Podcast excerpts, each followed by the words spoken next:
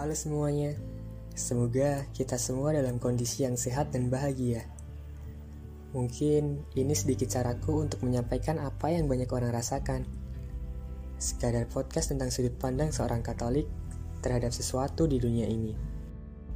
Kalau soal memulai perasaan, memang tergantung bagaimana kita semua menyikapinya. Entah itu ke keluarga, teman, ataupun khususnya yang akan kita bahas adalah perasaan ke seseorang yang kita sayangi.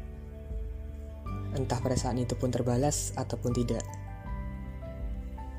diriku atau bahkan kita semua juga masih belajar dalam menyampaikan perasaan kita ke orang lain. Orang-orang bilang, semuanya bermula dari rasa suka, sayang, hingga bahkan komitmen. Tapi aku pribadi sungguh belajar bahwa untuk bertumbuh melewati semua itu juga dibutuhkan logika dan kemauan. Ya, logika untuk memahami realita dan juga kemauan untuk semakin bertumbuh diri. Ingat teman, di saat kita mulai mempunyai perasaan terhadap seseorang, di situlah kita juga mulai percaya terhadap dia. Karena itulah, memulai perasaan itu bukanlah main-main. Karena semuanya pasti punya tujuan akhir. Kuncinya adalah bagaimana kita memahami apakah diri kita sudah memiliki kesiapan dan bukannya kesepian. Apalagi umurku sudah 18 tahun. Walaupun begini-begini, aku pun juga sudah pernah merasakan apa itu rasanya cinta monyet, suka, sayang, bahkan selebihnya. Ataupun merasakan bagaimana menyimpan semuanya di dalam diam. Berat memang. Pasti di dalam diri kita selalu bertanya-tanya, apakah dia juga punya rasa yang sama atau tidak. Bahkan setiap hari selalu ditemani rasa ragu dan penasaran Memang tiap orang berbeda-beda kepekaannya. Tak ada pilihan lain selain bersabar dan mengusahakan semua yang bisa diusahakan untuk sekadar menyampaikan perasaan kita ke dia. Tetapi ada hal yang membuatku tersadar bahwa di setiap perasaan kita melibatkan Tuhan merupakan hal yang sangat penting. Membawa setiap keresahan perasaan kita di dalam doa adalah hal yang benar-benar mendamaikan.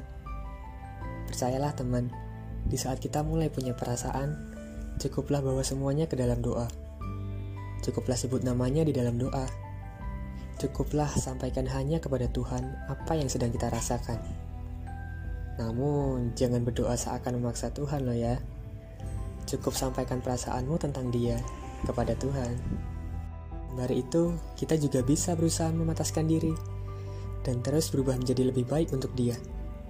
Jangan pula terpaku dengan pertanyaan, apakah nanti dia adalah orang yang baik?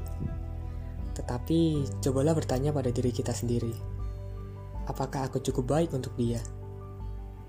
Apabila memang Tuhan menggariskan sedemikian rupa untuk kita bisa semakin dekat dengan dia, pasti Tuhan selalu memberikan tandanya supaya kita bertindak selanjutnya.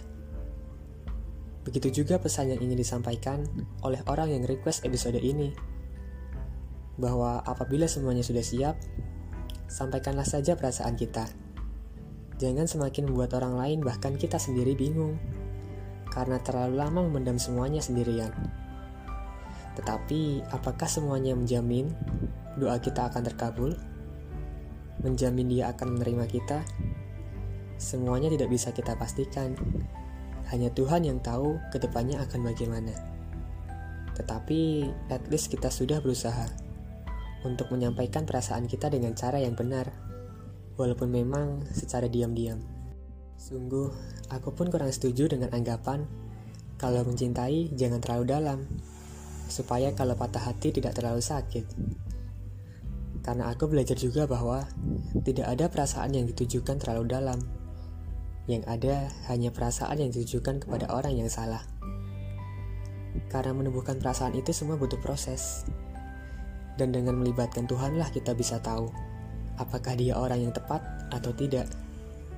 Jika nanti dia memang menerima, teruslah libatkan Tuhan dalam seiring berjalannya hubungan. Tetapi kalau memang dia belum menerima, tetaplah libatkan Tuhan dalam masa pengikhlasan dan penyembuhan perasaan kita. Karena perasaan yang baik adalah perasaan yang mengutamakan kebahagiaannya dengan atau tanpa kita.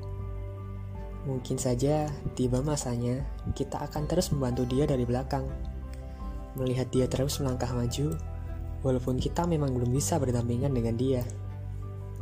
Karena cukuplah sebut namanya dalam doa. Di saat kamu memulai, mengusahakan, ataupun mengikhlaskan. Tidak ada pula orang yang cukup dewasa soal bagaimana mengelola perasaannya, hingga dia mengerti arti dari kehilangan. Tidak ada yang tabu untuk dibicarakan di dunia ini, termasuk perasaan kita. Maaf dan kilafku benar-benar ingin ku sampaikan kepada semua orang yang sudah pernah bersamaku. I want to say, don't let the world change your smile, but let your smile change the world. Semoga kita semua dapat terus bertumbuh bersama. Sampai jumpa di penyambung rasa selanjutnya. Jaga kesehatan ya kamu semua.